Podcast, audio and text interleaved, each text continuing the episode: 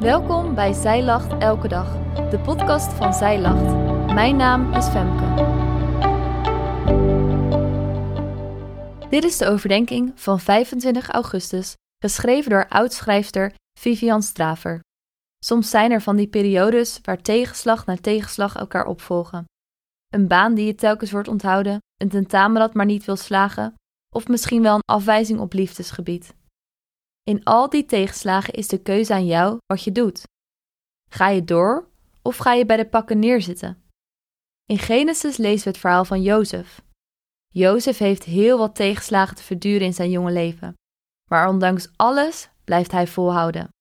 Hij gelooft niet in de beledigingen die zijn broers naar zijn hoofd slingeren, en ook niet in de beschuldigingen die hij aan het hof van de farao krijgt. Hij besluit door te gaan. Wat kunnen wij van hem leren? Jozef, de jongste zoon van Jacob, was bijzonder, vergeleken met zijn broers. Hij droomde veel en legde deze dromen gevraagd, maar meestal ongevraagd uit. In zijn dromen werd vaak een vergelijking gemaakt waarin hij boven zijn broers kwam te staan. De broers van Jozef mochten hem steeds minder, maar Jacob hield enorm veel van hem. Hij liet Jozef voorstaan op de rest en gaf hem een prachtige mantel. De broers van Jozef haatten hem steeds meer en ze bedachten een plan. Dit lees je in Genesis 37, vers 23 tot 24 en vers 28 en 36. En het gebeurde, toen Jozef bij zijn broers was gekomen, dat zij Jozef zijn gewaad uittrokken, het veelkleurige gewaad dat hij droeg, en ze namen hem en gooiden hem in de put. De put was leeg, er stond geen water in. Toen er Midianitische kooplieden voorbij kwamen, trokken en tilden zij Jozef uit de put en verkochten zij Jozef voor twintig zilverstukken aan de Islamieten. Die brachten Jozef naar Egypte. De Midianieten verkochten hem in Egypte aan Potifar, een hoveling van de farao en het hoofd van de lijfwacht. Jozef werd opgenomen in het huishouden van Potifar. Alles ging voorspoedig, tot de vrouw van Potifar haar oog op Jozef had laten vallen. Zij vroeg Jozef met haar te slapen, maar hij weigerde. Toch bedacht ze een listig plan. Dit lees je in Genesis 39, vers 10 tot 17, waardoor het leek alsof Jozef toch had toegestemd.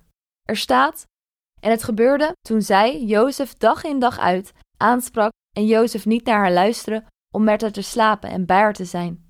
Dat het op een zekere dag gebeurde toen Jozef het huis binnenkwam om zijn werk te doen en niemand van de mensen van het huis daar in huis was, dat zij Jozef bij zijn kleed pakte en zei: Slaap met me. Maar Jozef liet zijn kleed in haar hand achter, vluchtte en ging naar buiten. En het gebeurde toen zij zag dat hij zijn kleed in haar hand achtergelaten had en naar buiten gevlucht was, dat zij de mensen van haar huis riep en tegen hen zei: Zie, hij heeft een Hebreeuwse man bij ons in huis gebracht om de spot met ons te drijven. Hij is naar mij toegekomen om met mij te slapen, maar ik heb met luide stem geroepen. En het gebeurde, toen hij hoorde dat ik luid begon te roepen, dat hij zijn kleed bij mij achterliet vluchtte en naar buiten ging. Zij liet zijn kleed bij zich liggen, totdat zijn heer, Potifar, thuis kwam. Potifar werd kwaad en wierp Jozef in de gevangenis. Maar hoewel hij in de gevangenis zat, ging hij niet zitten treuren. In de gevangenis bleef God bij Jozef en maakte zijn tijd daar aangenaam. Jozef gaf niet op, maar maakte zich nuttig met het werk dat hij kon doen. Wat voor tegenslag Jozef ook moest verstaan, hij gaf niet op. Hij bleef hard werken maakte zichzelf telkens opnieuw weer dienstbaar en dat werd beloond.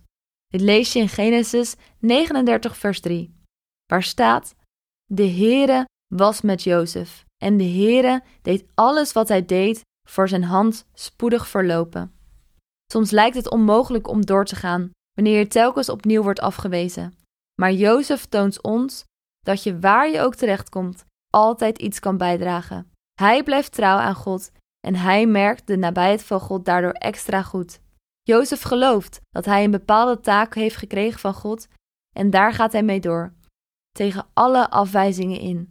Wij mogen het voorbeeld van Jozef volgen en ontdekken welke rol God aan ons heeft gegeven voor de mensen in onze omgeving. Dankjewel dat jij hebt geluisterd naar de overdenking van vandaag. Wil je de overdenking nalezen? Check dan onze website je vindt er ook meer toffe dingen die jou helpen om de Bijbel vaker te openen, zoals boeken, Bijbels, cursussen en evenementen. Morgen ben ik weer bij je terug met een nieuwe overdenking. Tot dan!